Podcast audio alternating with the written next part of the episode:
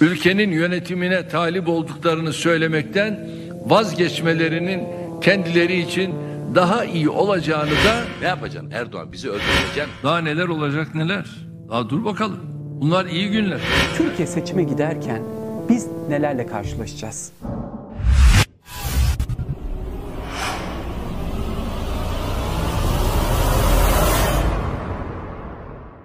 Yakın zamanda çok kritik bir haberle karşılaştık. Neydi o haber? Cumhurbaşkanı Erdoğan'ın Siirt mitingi kana bulanacaktı.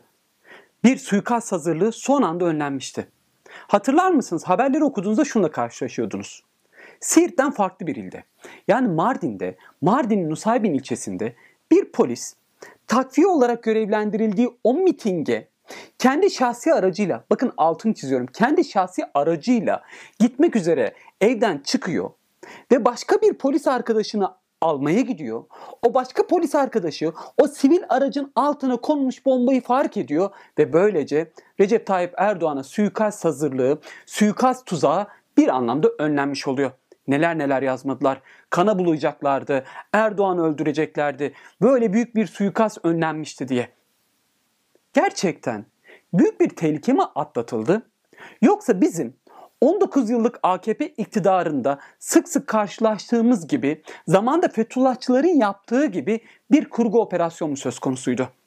Keşke bu soruları soramasaydık. Keşke bu sorular bizim gündemimizde olmasaydı. Ama arşiv unutmuyordu.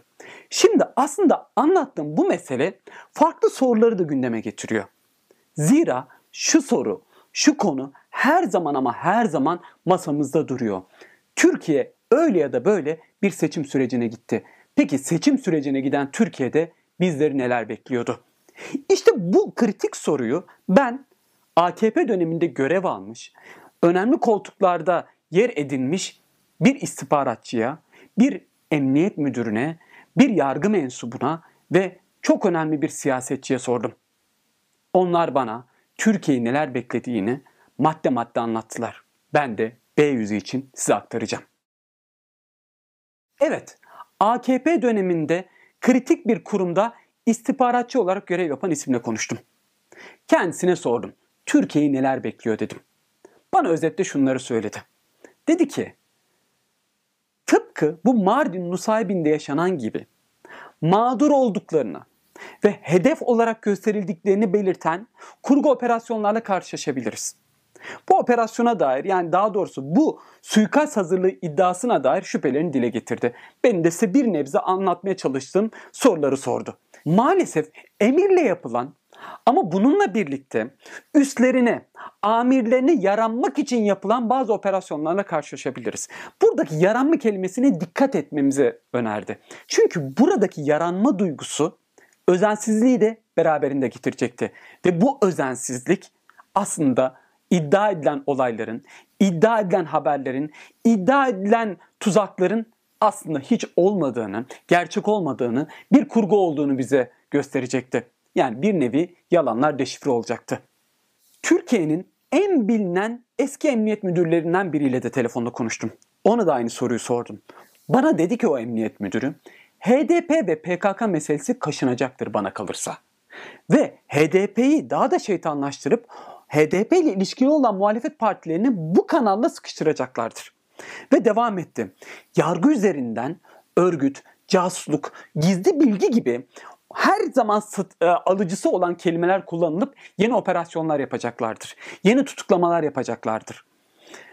Ve çok çarpıcı bir iddia ortaya attı.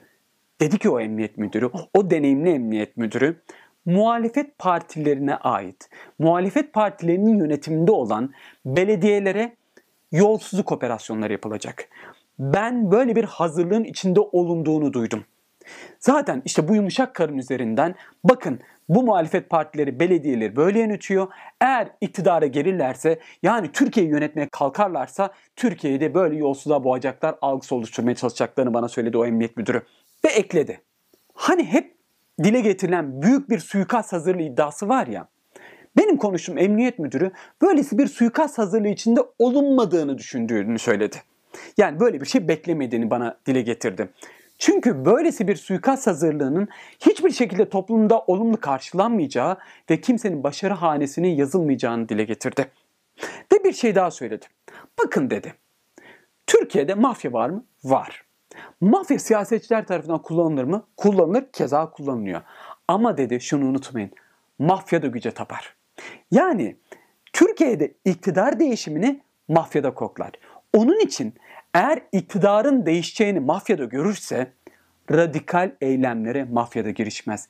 Yani benim konuştuğum emniyet müdürü mafyanın da çok radikal eylemler yapmayacağını dile getirdi. Bu tezi anlattı. Şimdi iktidar çevresinden aldığı kulislerle tanınan bir yargı mensubuyla konuştum. Aslında hepinizin tanıdığı bir isim. Yine güvenlik gereği ismini söylemeyeceğim. Ama benim beklemediğim bazı konulardan bahsetti bana. Ben ondan yargı ile ilgili tezlerini dile getirir diye bekliyordum. Bana Türk Silahlı Kuvvetleri'nin mevcut yapısı ile ilgili bazı bilgilerde, bazı iddialarda bulundu. Bana dedi ki, TSK'da mevcut 25.728 subay var. İşte bu subayların %58'i. 64.555 az subay var. İşte onların, o az subayların %27'si. Ve uzman er ve erbaşlar sayısı ne? 112.540. İşte onların da %62'si 15 Temmuz sonrası iktidara yakın seçim komisyonlarınca. Yani neyi kastediyor? Sadat, Aster ve Reder gibi kurumlarca TSK'ya sokuldu. Bakın tekrar söylüyorum. TSK'daki mevcut subayların %58'i, az subayların %27'si, uzman er ve erbaşın %62'si iktidara yakın ekipler tarafından, iktidara yakın insanlar tarafından TSK'ya sokuldu. 15 Temmuz sonrasından bahsediyor. Ve devam etti. Dedi ki bana 2021 yılı itibariyle TSK'daki subayların %60'ı harp okulu mezunu değil. Bakın yarısından çoğundan bahsediyor. Dedi ki TSK'daki personelin %60'ı harp okulu mezunu değil. Bakın çok kritik bir bilgi bu. Ve devam etti. Dedi ki bu insanlar 5 yıllık tecrübeye sahip en fazla. Bununla birlikte TSK'da savaş hafızası olan en tecrübeli 1817 1817 albay TSK'dan uzaklaştırıldı. Emekli edildi. Yani TSK'da bir dönüşüm olduğunu anlatıyordu o yargı mensubu. O yargı mensubunun iktidardan kulis almasıyla bilinen bir isim olduğunu altını tekrar çiziyorum.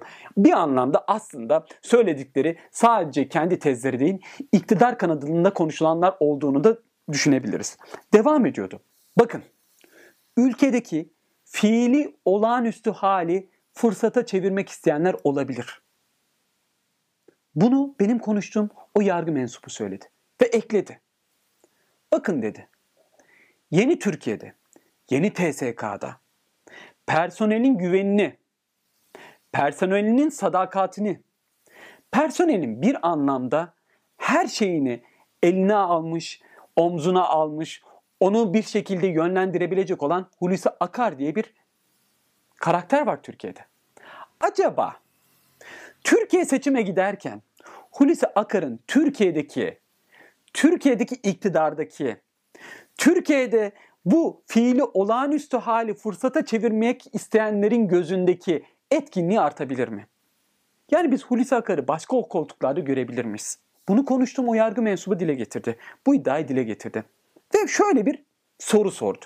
Acaba dedi, hatırlayın yakın zamanda Foreign Policy'de Stephen Cook imzalı bir makale yayınlandı.